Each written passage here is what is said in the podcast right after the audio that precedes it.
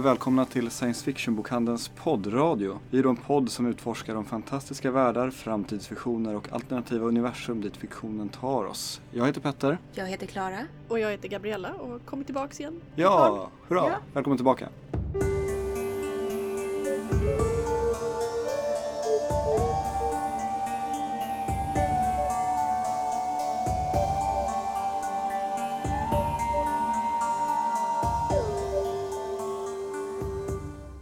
Yes. Den här veckan är ju då Jenny på semester, eh, men vi har ju celebert besök tillbaka här i studion. Så eh, det är inte fy skam. Vi tänkte vi kan vi börja prata lite om den här nördparaden som var i alla tre butiker nu i helgen. Ja, nu när vi spelar in det här så är jag fortfarande lite postparadkoma. Ja, Men eh, det verkar som det har gått väldigt bra. Vi har bilder uppe på vår Facebook och det kommer också länkas mer från hemsidan allt eftersom vi får in från fotografer. Vi hade ju en parad med minifestival i både Stockholm och Göteborg och i Malmö hade de en fin parad med eh, blåsorkester utanför butiken sen efteråt. Vi hade tur med vädret, som, så här, verkligen. Det var storm dagen efter i Stockholm. Eh, men det var jätteroligt. Vi kommer göra det nästa år igen. Då infaller ju tyvärr inte den riktiga Towel Day på en lördag så vi kommer skjuta lite på det till närmsta lördag. Så där som vi gör i Sverige för det är så praktiskt. Ja, mycket enklare än folk kan. Och i Stockholm det var ju mycket folk och så där uppe på Ja. Stortorget. Det var det. Jag hade lite, lite svårt att få översikt över hur många personer det är här i Gamla stan. Det var personer, jag vet i Göteborg räknade till en 400 ungefär. De har ju bredare torg. Lättare Mm, att göra lite headcount. Så vi får eh, satsa på lika många här i Stockholm också sen. Ja, Och eh, är det någon som har tagit bilder eller så, så tagga dem gärna Nördparaden på Instagram eller Facebook så håller vi liksom koll på de taggarna och delar. Och vi har också lite filmklipp som ska komma upp. Men det var jätteroligt. Vi delade ut pris till en liten, liten Leia till två klickers tror jag som såg riktigt monstruösa ut. Är det från Last of Us? Ja, jag tror det. Mm. Med, s- rörde sig på det här rätta obehagliga sättet också. Eh, och vi hade en eh, kategori här i Stockholm som var bästa huvudbonad som gick till en nebulosa med ett litet Star Trek-skepp i. Fantastisk hatt. Det kallar jag kreativ, Helt Eh, underbart. kreativ kostym. Eh, och nu här närmaste tiden, det är ju inte slut på kul saker som händer i våra butiker. Nej, Free RPG Day är väl nästa stora grej som dessutom händer i alla tre butiker i år. Den 15 juni så firar man ju det typ över hela världen och då har vi goodies som vi har beställt in. Det kan man se på den officiella hemsidan vilka det är. Sen har vi även lite extra saker från svenska leverantörer lokalt och ett specialerbjudande för de som bor för långt bort och ta sig hit. Som kan, så kika in på hemsidan så finns det ett, ett extra fint rollspelserbjudande till er som handlar den dagen. Men eh, i Stockholm så kommer vi ha vad heter det? en actual play-podd. Det är Andreas som ni kan höra i ett tidigare avsnitt här i podden. Det som handlar om Fandom, om ni scrollar tillbaks. Eh, som kommer hit och vi kommer också ha ett panelsamtal om eh, rollspel i media, alltså både i Stranger Things och hur det liksom uppmärksammas och diskuteras mer och mer. Och vad det innebär för hobbyn i sig med insatta experter. Och sen kommer vi såklart ha möjlighet att prova på olika rollspel och spela. I Malmö så ska de ha Handbok för superhjältar-gänget på besök. Det har ju kommit ett Handbok för superhjältar-rollspel, så det kan man provspela och goodies. Och vad Göteborg har planerat har jag tyvärr inte riktigt koll på, men eh, det blir definitivt spelevent i deras musikcafé. Just det. Och alla detaljer kommer finnas på vår hemsida och på Facebook. Ja, det kommer de. Och som sagt, man får komma in och så länge lagret räcker så har vi giveaways. Ja, det blir toppen. Och det är alltså den 15 juni, lördagen, en lördag. som det gäller. Sen har vi på tisdagen efteråt, den 18 juni i Stockholm, Annalie Newitz och Charlie Jane Anders som eh, båda är science fiction-författare. Då kommer de ha varit i Västerås på årets Svekon, Replikon. Kan jag också rekommendera om man gillar. Eh, men de kommer komma hit till oss. De kommer ha ett samtal med mig och Mats bland annat och de kommer ha lite läsning ur sina böcker. Det är alltså Autonomous, All the Birds in the Sky och The City in the Middle of Night tror jag. Just det. Eh, båda är nominerade till diverse saker och så driver de dessutom en riktigt rolig podd tillsammans. Our opinions are correct. Eh, Fantastisk titel. De är ju, förutom att vara, de är alltså skriver inte tillsammans. Autonomous är det Annalie Newitt som har gett ut eh, och skrivit och Charlie Jane Anders har skrivit sina egna böcker men de har samarbetat mycket innan och Mm. är gifta eller sambos också. Ja, Och eh, de har ju varit eh, redaktörer för så här IO9 och diverse precis. Det var stora de som sajter. startade den, var det inte så? Ja, de, de och var första redaktörerna Ja, så att säga. Och sen har de gått vidare till annat och eh, jag har lyssnat en del på deras podd och det, det är kul, det är insatt, eh, det är väldigt nördigt och det är hela tiden det här ganska starkt feministiskt och liksom mångfaldsperspektiv. Men lite som vår podd så är det ämnet är de olika nördigheterna de tar upp. Mm. Så jag tror det kommer bli ett jättebra samtal och det är också bra böcker de har skrivit. Eh, Ja. Autonomous handlar om en, en eh, robot, en polis och en eh, smugglare av eh, biomedicinska grejer. Och också den här robotens liksom självidentitet och hur den, hur den upptäcker hur den vill köna sig själv. Och jag har inte hunnit läsa The City in the Middle of Night, men All the Birds in the Sky är en riktigt fin kärlekshistoria som blandar sci-fi och magi på ett, alltså på ett väldigt trevligt sätt. Jag tror att om man gillar till exempel Shannon McGuire så kommer man gilla den. Men också Naomi Novik är lite annorlunda men, men de har båda en, en viss eh, samma känsla. Men jag tyckte det var en av de bättre just att den fick fram kärlekskänslorna i en SF-berättelse, vilket vi inte är så jättebortskämda med. verkligen inte. Nej. Så det ska bli kul att träffa dem. Ja, spännande. Och då igen så är det, det är i Stockholm och De kommer i Stockholm. var Ja. Den 18 juni. 18 juni. Yes. Ja, men kul. Det händer mycket helt Det enkelt här framöver.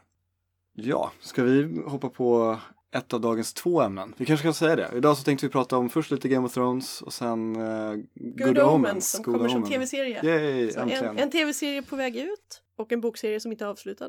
Och en fristående bok och en tv-serie på väg in. På vägen. Mm. Det Det kommer är bli dagens tema. superspännande. Fast i och för sig, när man hör det här då har Good Omens precis sänts. Ja, i alla fall första avsnittet. Nej, allt kommer på en gång. Ah, de Det gör är så här en Amazon sån. Prime. Så att eh, jag har inte tagit ledigt på fredagen när den kommer bara för att se Good Omens. men, men det övertygade det- mig lite extra att ja. jag skulle ta ledigt den fredagen. Bra klämdag.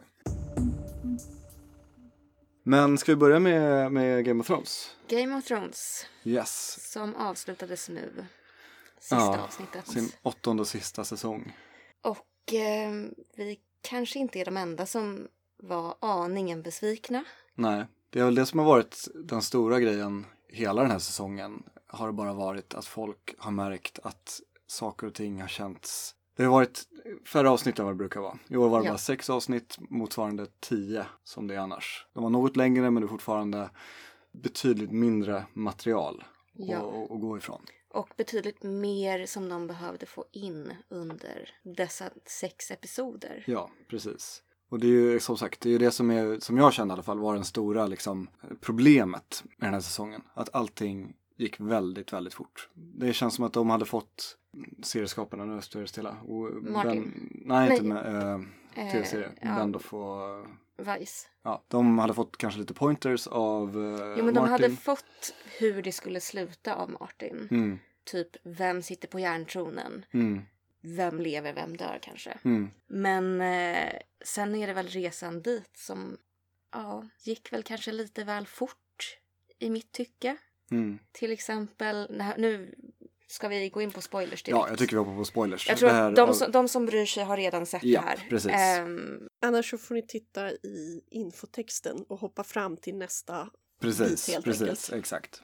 eh, nej men hur de hanterade Daenerys. Mm, Hennes snap till att bli the Mad Queen Daenerys. Mm, Vilket inte var tillräckligt uppbyggt. nej. tycker jag. Det blev bara konstigt. Det blev, hon, har, hon har varit ledsen för att hennes bästis har dödats, vilket är väldigt förståeligt. Mm, Inte ätit något på tre dagar och sen får hon en snap och begår folkmord. ja, Det står inte i proportion till varandra. Det står inte i proportion till vad hon har varit tidigare i säsongen Nej. och de tidigare säsongerna. Precis, och hon har ju gjort saker som har varit lite, eh, man, kan ställa sig frågande till innan. Jo, Men det har alltid varit, man har satt en motivation bakom det och det har funnits Ja. en avsikt med det. nej men så här när hon korsfäster ehm, Slavdrivarna. Ja, då, har, då är det ju ändå en, ett argument i att de är onda och upprätthåller det här onda samhället med slaveriet. Och även om en del av dem kanske var oskyldiga så fanns det ändå någon form av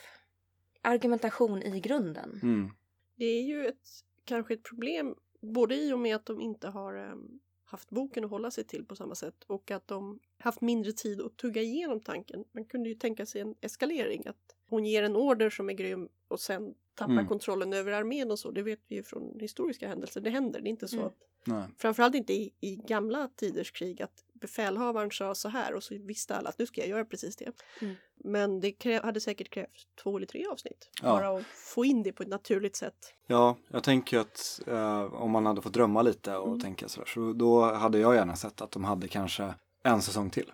Som var liksom, hon slutade på den goda sidan i förra säsongen, så har man en säsong där med liksom The Turn och sen en säsong där hon var skurken. Det hade varit mycket mm, Det, då hade man haft lite mer kött på benen till det. Mm, Alltså jag tror, jag tror böckerna som kommer komma, hoppas vi.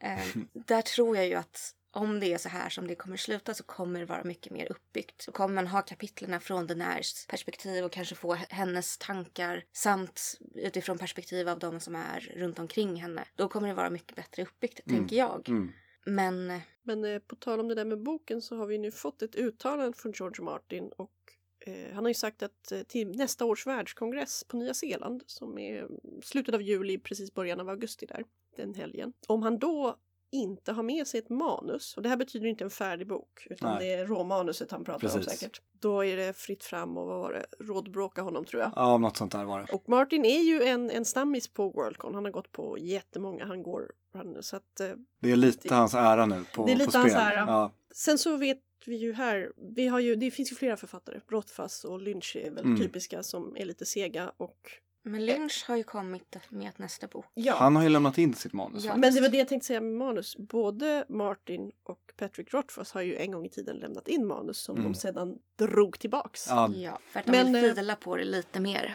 eller som i Rothfuss fall tror jag han typ brände hela boken och ville börja om på nytt.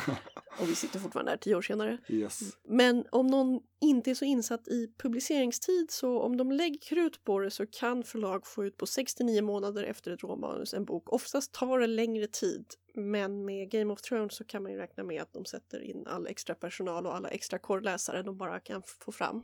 Skulle julen 2020 vara, vara ett Det alternativ? tror jag är helt omöjligt. Om, ja. om de, alltså så här, om, om det visar sig att förlaget i hemlighet har fått den på våren, Mm. ja. Men böcker som vi börjar höra rykten om, våra inköpare så att säga, får nog så här, säg inte det här, men nu i februari har vi fått det här, de är snarare julböcker. Mm. Så att augusti till julen, det, Kommer då, det ske. hoppas jag att det inte blir, för Så då är det en i- dålig produkt och Ja. då har de inte hunnit gå igenom den ordentligt. I bästa fall, om man har råmanuset 2020 augusti så har vi kanske en Våren nästa år, ja. sommarläsningsbok. Nästa års nördparad. Mm. Ja. Högläsning av Martin hela Fast det blir, det blir till och med två år. Ja. 2021. 2021. Men, men som sagt, det är inte säkert att han, att han inte ger den till förlaget innan. Det vet vi inget om. Bara för att han säger att det är då jag kommer ta med manuset så Mm. kan han ju faktiskt bli klar tidigare. Ja, det är sant. Ja, den som lever får se helt enkelt. Mm. Eh, just nu känns det som att man, ja, snacka går ju lite sådär. Ja. Men det, det är en bok som kommer till den här julen som heter Game of Thrones The Costumes som finns. Alltså den, den bilderna är tagna.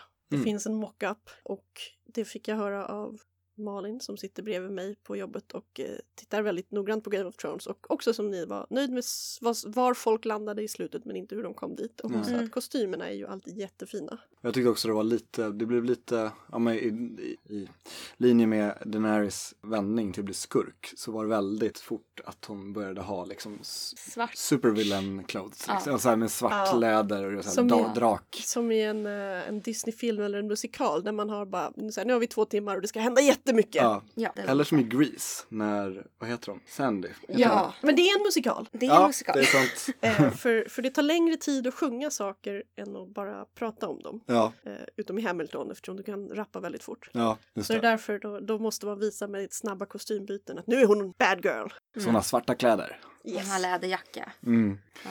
Kanske det de skulle gjort. Köra Ja, men jätte alla läderjackor. musikalavsnitt och- som avslutning. Det hade varit något. Det kan ju vara någonting som kommer någon gång i framtiden. Game of Thrones the Musical. Ja, verkligen. Mm. Ehm, Harry Potter-musikalen tar sex timmar. Hur länge skulle Game ja, of Thrones-musikalen ta? Mm. En vecka. Ja, Den är väl men fortfarande typ. inofficiell, eller hur? The Cursed Child. Nej, den är väl superofficiell. Den är ju förlåt. Ja. Jag blandar ihop med eh, fan Ja, Harry. Potter Musical. Ja, Ja. Nej, den, den tar lite längre tid. Ja. Harry Potter Musical. Jag vet inte, vad är det för? Det är... ehm, Det finns på Youtube. Det finns på, Det YouTube. finns på YouTube. Det är ett eh, musikal skådespelargäng som satt ihop eh, tre stycken olika Harry Potter-musikaler som är lite parodi Mm. på det där sättet som riktiga fans kan göra parodi Mm. av det. Jag, jag kommer ihåg, jag såg dem för kanske kan det vara, fyra år sedan? När var det de kom? Eh, Rätt länge sedan. Rätt länge sedan, Första var, dem. mer än fyra Ja. år sedan. Men då väldigt bra. Bland annat han eh, Darren Criss som sen var med i Glee och sen har spelat många saker på Broadway. Han eh, spelade Harry Potter i dem och sen blev han stor. Mm. Coolt. Ja. Det hade jag ingen aning om. Jag tänkte först att det var den där handdock-klippet. Potter Puppet Pals. Japp, den. Men... Också eh, väldigt bra. Ja, jo, Men lite enklare i handlingen. Lite enklare, men jag kan tänka mig det. Nu är vi Förstår. något off topic. Ja. Men samtidigt, om vi byter ämne till den andra tv-serien. Så kan vi, ju- kan vi börja diskutera den musikaliska trailern för Good Omens Ja. som de släppte.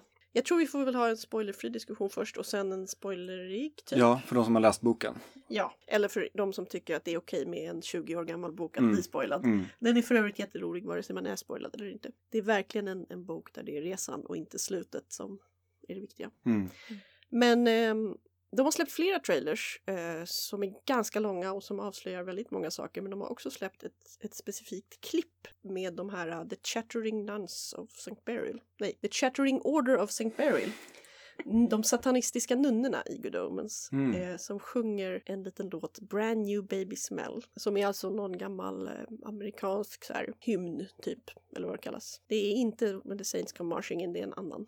Den är jätterolig, den kan man se utan att bli spoilad. Och men om man undrar vad är Good Omens, kommer jag gilla det här? Så kan man titta på den, för jag tror att det är väldigt lik humor. Ja, Som jag... ton också. Alltså, Ja. mm, så. Den är väldigt kul gjord. Det är mycket referenser i den liksom, Mm. till, till diverse satans berättelser. Rosemary's Baby, eh, The, The Omen. Omen. Ja. Det är det ju redan i, i boken. Mm. Eh, ska vi dra en... Vi kan ju ta bara lite vad, den, vad boken handlar om. Mm, alltså utan några spoilers. Ja, please. Eh, nej men det handlar om att jorden går under. Den bibliska apokalypsen är på väg och en eh, demon får så här bebis-antikristen och så bara nu när han växer upp till 10-11 år då kommer världen gå under den stora slutstriden. Alla profetier uppfyllas. På engelska heter den det fulla namnet som de inte skriver ut. Det är så här, Good Omens, the nice and accurate prophecies of Agnes Nutter Witch. Och så står det lite så här, så de nedtecknades av Neil Gaiman och Terry Pratchett. Med fotnoter som förklarar. Mm. Eh, men det visar sig då att den här demonen, han har ju bott på jorden i 6000 år sedan den skapades. Eh, han gillar det här. Han gillar sushi, han gillar restauranger, han gillar att åka sin snabba bil. Och det finns varken restauranger eller bilar eller typ någonting trevligt i helvetet. Så han ringer sin eh, motpart, en ängel, Asirafael, och föreslår att alltså ska vi försöka typ stoppa apokalypsen? För att det är ju ganska tråkigt i himlen också. Jag, Crowley som demonen heter, minns hur det var och han var så här, men himlen är lika tråkig som helvetet är hemskt. Kan vi bara inte göra det här? Sen har vi då de här satanistiska nunnorna som är inblandade i baby switchingen. Det ska alltså bytas ut antikristbebisen mot en amerikansk diplomats son så att han är i rätt position Mm. för att starta världens undergång. Och där ungefär börjar allt gå käpprätt åt skogen och sen bara fortsätter det för de tappar bort Antikrist. Som växer upp någon helt annanstans och ängeln och demonen ägnar ganska lång tid åt att försöka uppfostra det lilla, det lilla diplomatsonen till att bli antingen väldigt ond eller väldigt god. Eh, och sen börjar eh, Antikrists krafter vakna elva år senare och himlen och helvetet är så här, hallå, hallå, vad hände nu? Ja. Så att eh, det är dessutom då vi har flera änglar med, framförallt i tv-serien. Ängeln Mm. Gabriel får en större roll. Eh, vi har helveteshundar och de fyra ryttarna från Ryttarna, just apokalypsen. Ja, Mm. och de är väldigt, inte de, nu var det väldigt länge sedan jag läste boken, men de har väldigt passande positioner när de är på, på Ja. jorden. De, de har ju, precis som Crowley och Aziraphale, så, så befinner de sig hela tiden på jorden och gör döden bara är. Mm. Men eh, krig, svält och det här är väl ett ordskämt som inte riktigt funkar på svenska men pesten har bytts ut, pestilens har blivit pollution. För Mm. pestilens gick i pension när antibiotika kom. Så istället har vi då pollution och de har ägnat sig åt det de kan. Krig, Ja. svält och miljöförstöring. Ja, är det inte så, Krig han jobbar som krigskorrespondent typ? Eller Hon. något sånt där.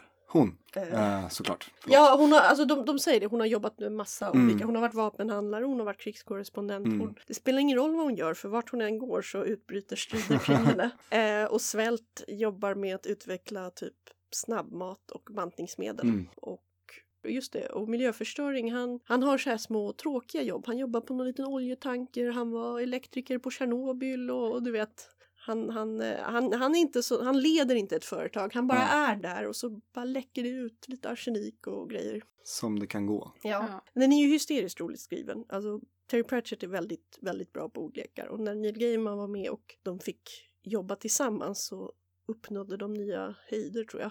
Jo, men det är, jag har ju inte läst något annat Terry Pratchett än Good Omens och det är för att jag hade en väldigt stark Neil Gaiman-period tidigare. Och eh, jag tycker det, det, man, man märker ju väldigt mycket vem som har skrivit vad.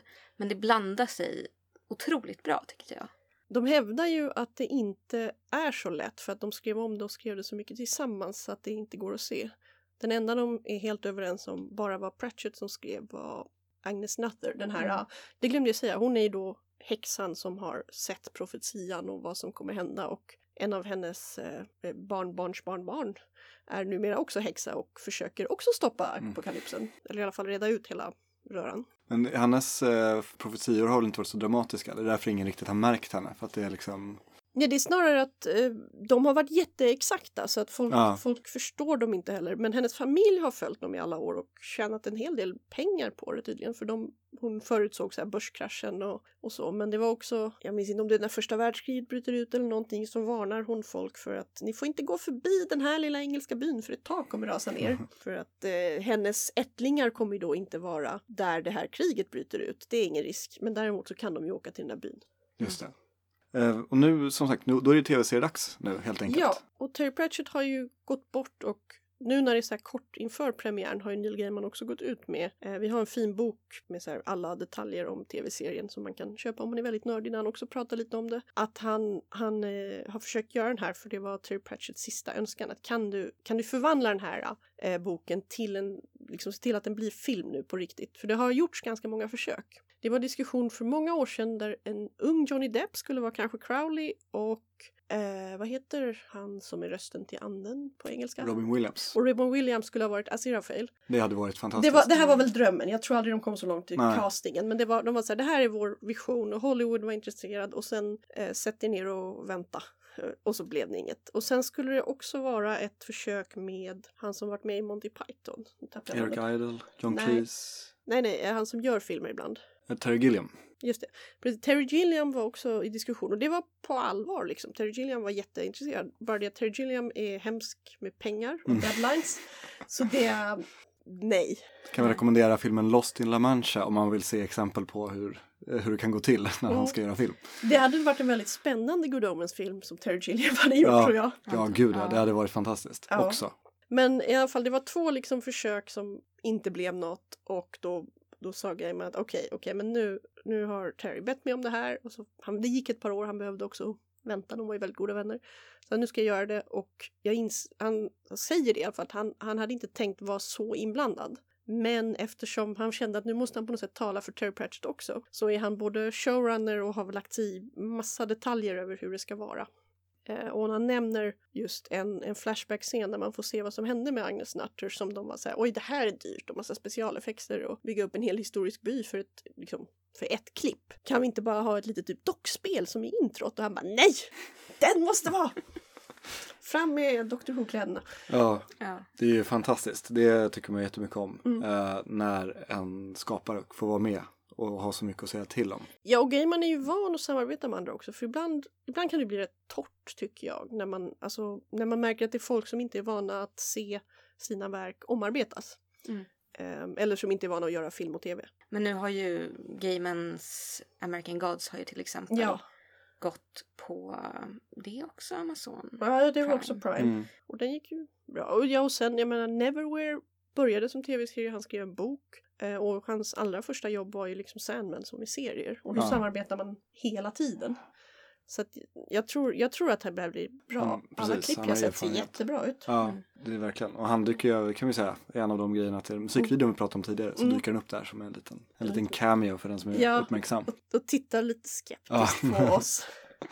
Eh, och rollbesättningen ser också väldigt intressant ut. Det är ju eh, David Tennant som är demonen Crowley. Mm. Som inte ser ut som en Johnny Depp. Men Nej. liksom, jag, kan, jag kan leva med det. Jag, jag, jag skulle nästan föredra honom över Johnny Depp. Eller Ja, nu nästan. Jag Jag- skulle det 100%. För mig så är de väldigt, historien är ju väldigt brittisk. Så Mm. det är ganska bra att ha en brittisk. Ja, jag tror det där var, så jag tror aldrig det var en fråga om att verkligen kasta dem. Det var mer något såhär, det här är Det ungefär här är hur drömmen. Och Det så. det. Ja. Mm. Eh, och sen är det Michael Sheen som är Aziraphale.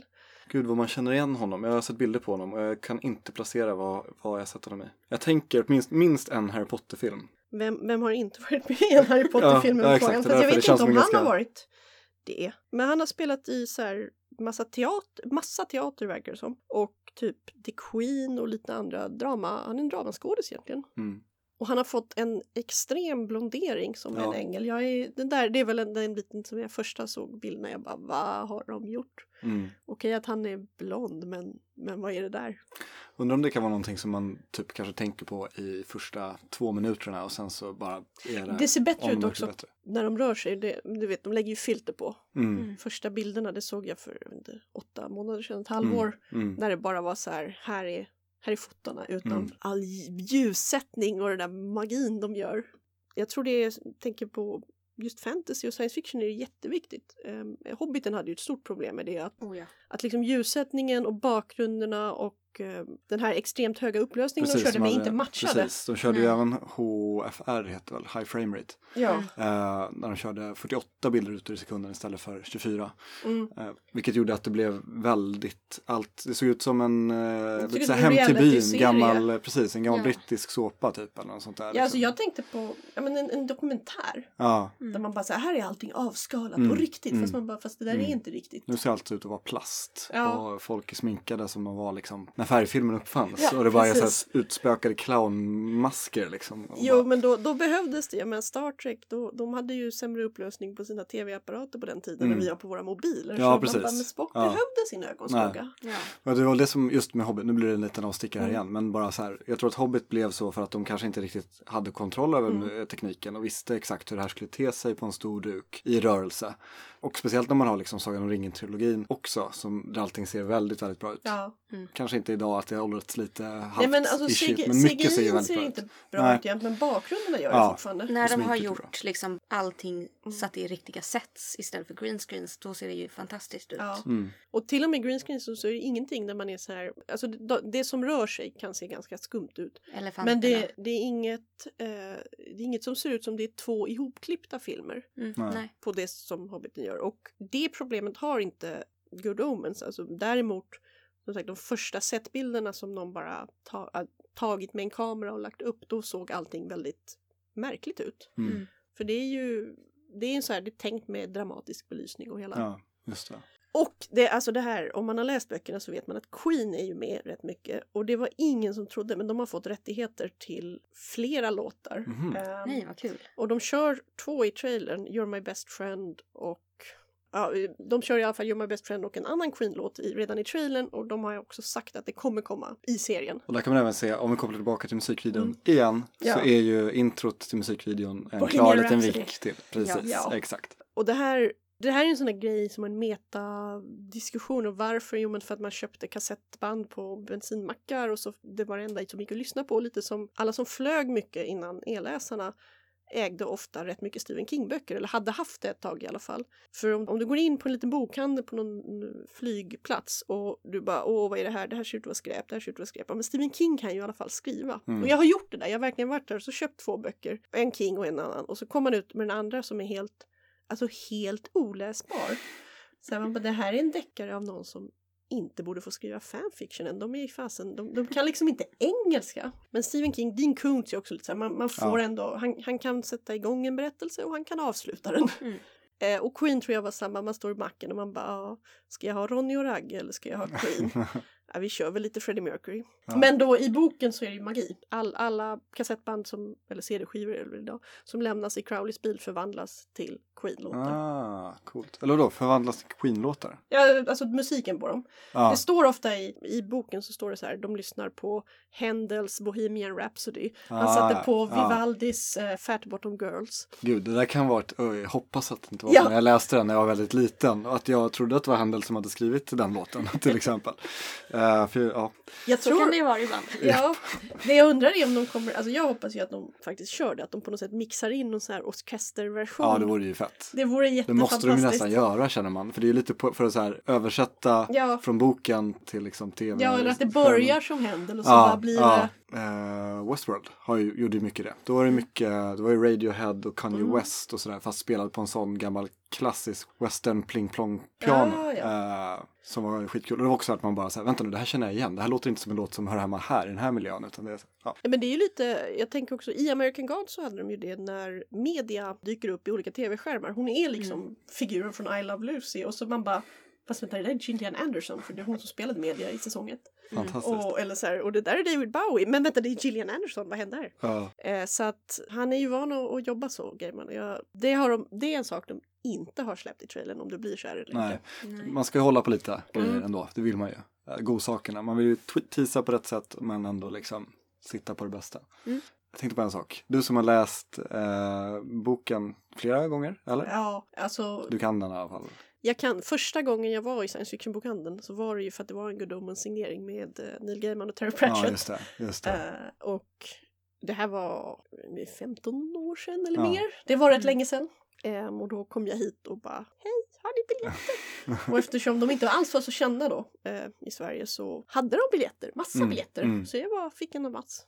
Just det. Det är ju verkligen ett sånt, alltså gud. Den kombon Mm. är ju, Och vi, de har aldrig kommit tillbaks till Sverige båda två sedan dess. Neil Gaiman har varit här flera gånger och vi har och senast han var så var det ju signeringskön gick ut från Stockholmsbutikens framsida runt Tyska brinken och ner i stort sett eh, till Gudrun Sjödén. Ehm, och vi, vi fick dela ut kölappar där också ja. för att annars blir det bara kaos. Men alltså Gaiman är en, en trooper. Han signerar och signerar och signerar. ja, men det känns ju som en sån person som verkligen ja, men bryr sig om sin, sina, sina Mm. fans. Tycker det är viktigt att ha en dialog och liksom Ja. visa så här, uppskattning tillbaka. Ja. Eh, Eh, jo, har man funderingar över vad han skrivit så kan man kontakta honom via hans blogg eller hans Tumblr och lite hit och dit. Och ofta går det ganska lång tid men han brukar svara. ja, ja. Nej, han sätter sig väl, nu är det Tumblrn som jag följer Ja. mest, så är det ungefär som han sätter sig någon gång Och så då bara då och rasslar Mm. igenom går alla. ja, ja. alla frågorna Ja. som han har fått. Ja, utom, hej kan du göra min läxa åt mig?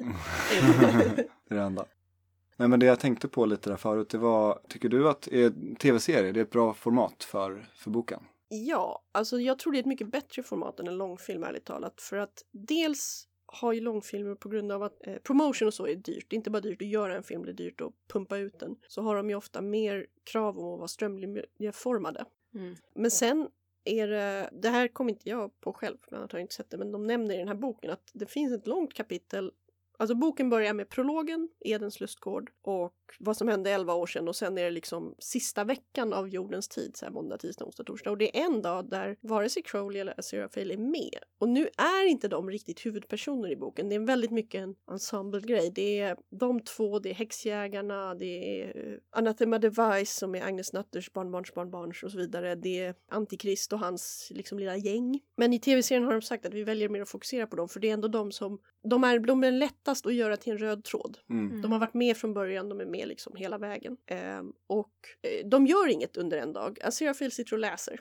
Och hans eh, choklad blir full av så här mögel. Och Crowley, jag minns inte om han går runt och oroar sig eller, eller vad det nu han gör. Men liksom det, de gör ingenting och det händer en massa andra saker. Och om man tänker om man gör en film, man har liksom begränsningen, vad är det, 180 minuter Ja, eller max, 200, typ. max. Mm. Mm. Så klipper man ju förmodligen bara det. Så här, ja, det hände inget. Vi skiter i den dagen. Och Mm. Men tv-serien har man istället valt att göra ett helt eller ett halvt avsnitt, i alla fall en ganska stor del av ett avsnitt, i en flashback. Vi får se vad som händer med dem genom historien. Nu börjar vi komma in på riktiga spoilers här. Men, Ja, ja.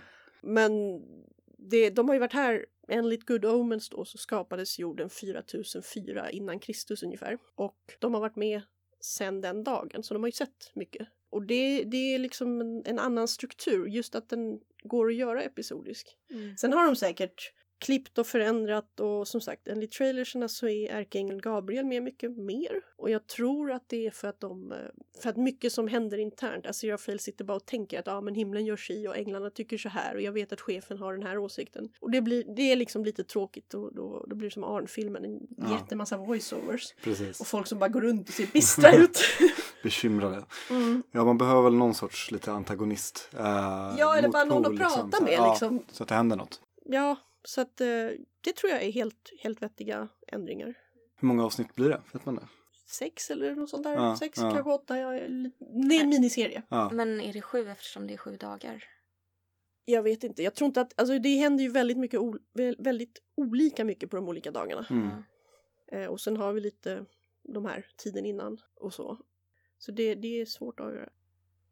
Ja, men eh, ska vi bara ta och göra så här enkelt, alltså vi hoppar till spoilers istället. Ja. Så ni som inte har läst böckerna, gå och köp boken och läs den. Det har kommit vi. en jättefin ny utgåva av boken. Det kommer komma fler. Eh, alltså det, det har kommit, det har kommit en fin utgåva med illustrationer. Inbunden. Ja, och det ja. kommer komma en lyxigare version av den som kostar rätt mycket. Typ 800-900 kronor härifrån oss. Den kanske är förbeställd i mitt namn. eh, det har också kommit en pocketutgåva med filmomslag. En ny. Som jag, alltså, jag är inte så förtjust i filmomslag men de har ansträngt sig tycker jag här. De har liksom gjort Glotman och Azira Fail och Crowley och Mm. stylat upp det och så. Så den ser rätt bra ut. kan man tänka sig att Gaiman kanske var med lite där också. Ja, man får hoppas. Mm. Mm. Och, och framförallt, alltså jag, jag hatar ju mest av allt de här filmutgåvorna som ser ut som de tråkiga filmaffischerna där någon Mm. typ går dramatiskt i mörker. Jag tänker alltid på iRobot eh, Ja. Ja. med Will Smith. Men den filmen var usel också. Ja, ja jag, det jag tänker till exempel på de senare Harry Potter-filmerna. Man, de hade många sådana affischer och sen Mm. så har tack och lov ingen släppt Harry Potter Nej. med. Nej. Nej. Jag tänker på de svenska utgåvorna av Mörka materian av Philip Pullman. Innan Guldkompassen, Skarpa äggen och Bernstens kikaren kom i sin svenska nyutgåva med eh, omslagen illustrerade av Peter Bergting så var ju alla böckerna som fanns pocketutgåvor med olika färger av filmaffischen. Filmen som heller inte var en väldigt bra adaption av boken Nej. om jag får säga det själv. Nej, och som dessutom bara var första filmen. De gjorde Ja. inget. Men Nej. det kommer! Det kommer, Det kommer. precis. Jag har bara sett en trailer, men det såg väl Den såg bra ut. helt Det, okej det ut. såg, Väldigt eh, svårt att säga någonting än, men Men det känns som att de kommer få mer, lite mer än vad filmen fick. ja, ja, verkligen. Jo men det, det är det. Alltså, egentligen så är ju den perfekta längden för att göra en långfilm, det är typ en, en novell, eller novella, eller ja, men en kort roman. Mm. Om det inte är en väldigt, en väldigt kompakt skriven roman. Mm, nu kommer jag inte på så himla många sådana, men typ Starship Troopers, den, det är jättemycket detaljer, väldigt många av sidorna tas upp av hans militärträning. Mm. Och man kan, det som händer är så här, men han går med i armén, han tränar, sen är det lite slagsmål. Och sen är det en massa samhällskritik eller inte beroende på vad man tycker om det. Men det liksom får plats, intrigen får ju plats i en film. Men däremot väldigt många andra romaner, framförallt de som inte handlar om bara en eller två personer, de, de får, det går inte att klämma in, du måste ta bort så mycket. Mm. Så jag tycker att det är jättekul att tv-serier blivit bättre kvalitet och bättre effekter. Jag hade ju inte velat ha, boken kom ju ut så här 1989 eller 90 eller något. Jag hade inte velat se en 1995 tv-serieversion av Nej. Good Omens. Nej. Nej. Och, men precis, och just hur tv-serier hanteras, det har också bara varit en sån eh, bara våg uppåt, eller Mm. här, en sån eh, kurva uppåt när det kommer till kvalitet och produktionsvärde. Game of Thrones bara, om man tittar Ja. på de slagscenerna som var i sista säsongen så var ju de bara superpåkostade och bara så här liksom, det var ju som, man hade kunnat se det på bio liksom. Ja, och det är, alltså det är ju väldigt, man kan ju ogilla hur sista säsongen var, Ja. men skådespeleriet, eh, scenografin, allting bortsett från kanske manuset Mm, tyckte jag var helt fantastiska. ja, ja, Ja, och också en, en kontinuitet på ett annat sätt. Jag menar, det är viktigt att man har... De här långkörarserierna gör ju fortfarande Mm. inte det. Det är många som gillar Supernatural som klagar att de glöm, verkar glömma bort vad som hände i förra säsongen. ja. Och i Doctor Who, där till exempel byter de ju huvudsäsongsförfattare. Och då, då räknar man ut, ah, men okej, nu, det här är Doctor Who, då byter den smak. Men när det är en kortare serie, eller när det är en serie som inte har så naturliga brott i känslan, då blir det väldigt konstigt om du plötsligt så här, jaha, gör den här personen så här nu? Vi vet ju vad Mm, Mm. mm. han eller hon ska göra. Verkligen. Och det är också med, med Good Omens nu. De har sagt att det blir bara en säsong, eller hur? De Ja, det- kommer det- inte det är göra en hela boken. Del två liksom. Liksom, nej, den, nej, Den, det är klart. Ja, Då får, de får göra något annat sen. nej. Och jag tror inte, jag tror både Sheen och Tennant, det är inte folk som har hur, som har hur ledigt som helst i Nej, schemat. nej, Nej. verkligen. Men det finns ju, alltså man tänker inte riktigt på det för att det är en, det är en mysig bok. Det är mycket, det är mycket språket som är, liksom, spelar roll. Men den har ju en del ganska specialeffektskrävande scener. De har byggt upp hela Aziraphales eh, bokhandel som inte ser ut som jag föreställer mig den. Om man vill se hur jag tänker mig så kan man titta på ett avsnitt av Black Books.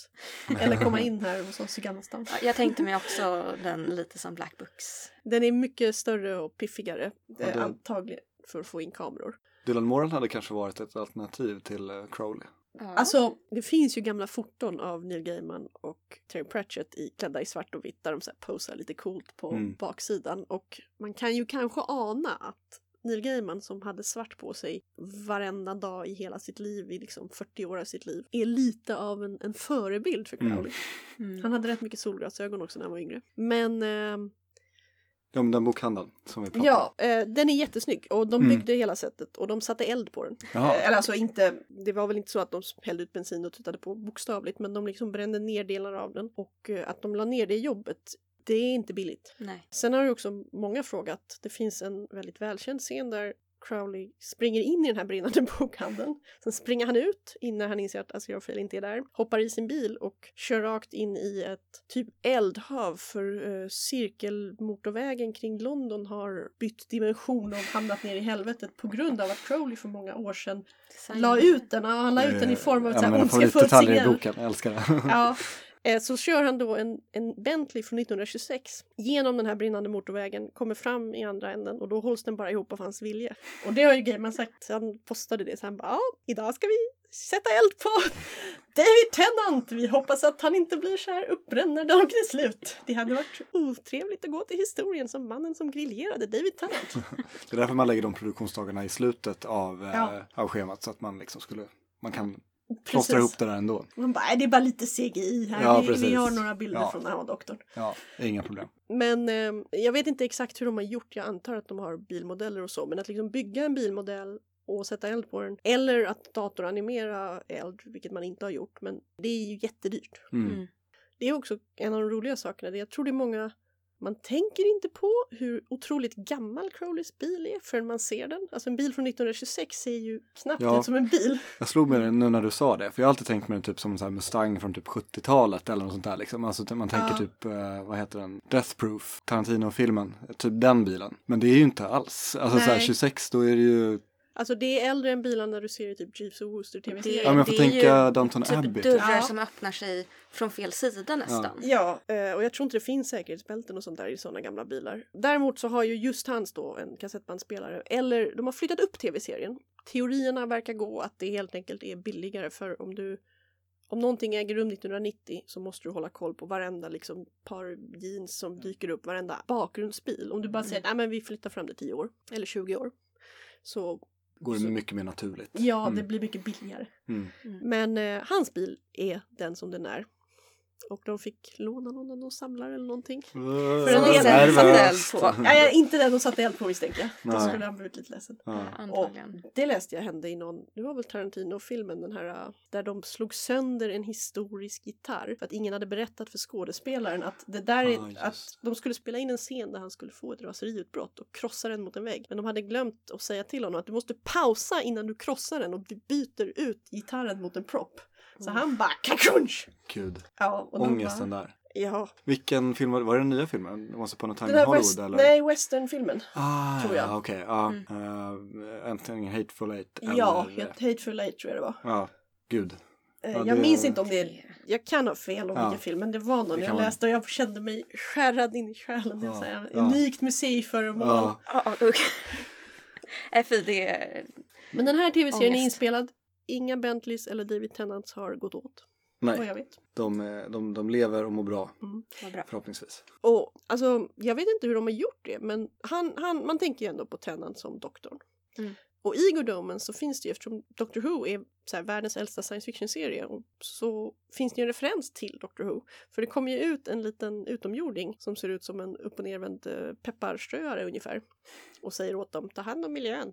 Mm. Ni har fått ett kosmiskt meddelande. Eh, när saker börjar, alltså när Adams krafter börjar så här fara iväg och bli jättekonstiga och påverka världen. Så det, det ska bli kul att se hur, hur de återrefererar till saker i flera lager. Ja, Mm. hoppas att de har en lekfull approach till det. Jag tror, jag tror det. Alltså titta på, titta på de sjungande nunnorna. Ja, Verkligen. Känns Brand som- new baby smell, den Ja. ligger på Youtube. Ja. Vi kommer länka.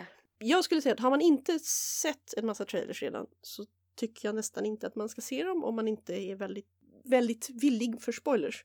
För de avslöjar scener verkligen från slutet. Och det är en sak att höra talas om dem i en podd eller läsa böckerna och tänka sig så här ser jag det och det är en annan sak att bara se dem. Mm. Det är som väldigt många moderna trailers, lite Ja, för det är mycket. jättetråkigt Mm. tycker jag att folk är så dåliga på eh, att sätta upp en bra trailer. Men ehm, bokmässigt så måste man typ, måste man läsa den? Nej men den är jättebra. Den Mm. är fantastisk. Det är en av mina favoritböcker. Ja. Den håller och eh, jag tror att man kommer få ut väldigt mycket annorlunda saker ur tv-serien och ur boken. För till exempel så är ängeln Aziraphale är lite han har inte en mindre roll än Crowley. Man får inte se lika mycket vad han tycker och tänker i böckerna. Men däremot så har man möjligheten att föreställa sig honom. Han beskrivs ju fantastiskt. Men det är väl kanske en av de mest citerade ögonblicken ur boken. Folk får i vanliga fall three impressions of Aziraphale that he was British, that he was intelligent and that he was gayer than a tree full of monkeys on nitrous oxide. eh, och jag kommer inte ihåg hur det där översattes till svenska men sen går de igenom det att det här är dessutom fel för han var inte från England men han var intelligent och dessutom så har änglar inget kön. Så de är väldigt noggranna med att han inte är gladlynt. Eh, han kommer han har den här utstrålningen och han etablerar den ju också väldigt medvetet. Det finns en del skämt i boken som man är så här, vi vet inte riktigt hur det här kommer funka när man översätter till tv. Mm. Men han talar ju med en, en rätt otrevlig eh, gubbe på ett ställe som tänker sig Aziraphale som Southern Pansy. Och det är ju en, eh, ja men det är en förolämpning mot homosexuella, en viss typ av det på engelska och som Crowley då tänker han sig på som The Flash Bastard, också Southern, för att han står på Nordpolen och hatar alla som är söder om honom. Där Aziraphale bara säger så här, nej nej, I'm not a Southern Pansy, I am the Southern Pansy. och, och, och alla de här små detaljerna ger en ju möjligheten att skapa sig liksom egna bilder av figurerna som, som man inte kan med en tv-serie. Och de Mm. kommer inte vara samma. Jag menar, de har ju fantastiskt öga för detaljer i den. Men de har gjort val som både lite motsäger vad som händer vissa detaljer i boken, de har ändrat grejer och de, man har inte samma frihet. Så jag tycker man ska se den 31 maj och man ska läsa den typ Idag. ja, igår. Ja, verkligen. Det är en superklassiker. Men vi får väl kanske ta en återkoppling på det här sen när vi har sett tv-serien. När det här avsnittet kommit ut då har ju serien redan legat uppe Ja, några det dagar. är ungefär en vecka. Ja. Eh, sådär. Så att eh, när ni har det här så är det bara att bege er till Amazon Prime och börja kolla. Precis. Och då kanske det ju redan var förspoilade. Ja. Oh well. ja. Ja, med de orden får vi tacka för den här veckan. Eh, tack för att du kom hit. Tack, det var jättekul att komma tillbaks. Sitta Ja. i poddstudion igen. Välkommen när som helst. Och vad ska ni prata om nästa vecka? Nästa vecka då ska vi prata om... eh, Eller näst, nästa vecka. Ja, om två veckor. Vad ska ni prata om i nästa avsnitt? I nästa avsnitt ska vi prata amerikanska eh, serier utan superhjältar. Kommer bli jättespännande. Ja, det finns mycket att hitta där. Mycket spännande, kul, intressant och så. Så att, eh, det kommer bli, eh, ja, toppen. Och till er som, er som lyssnar, vi finns på Facebook, vi finns på Twitter, vi finns på Instagram. Sök på Science Fiction-bokhandeln eller SF-bok och hör av er med om ni har funderingar, eh, åsikter, vad som helst. Bara vad ni har på hjärtat. Vi finns här för er. Ni får det så fantastiskt bra så hörs vi igen om två veckor. Hej då! Hej då! Hej då!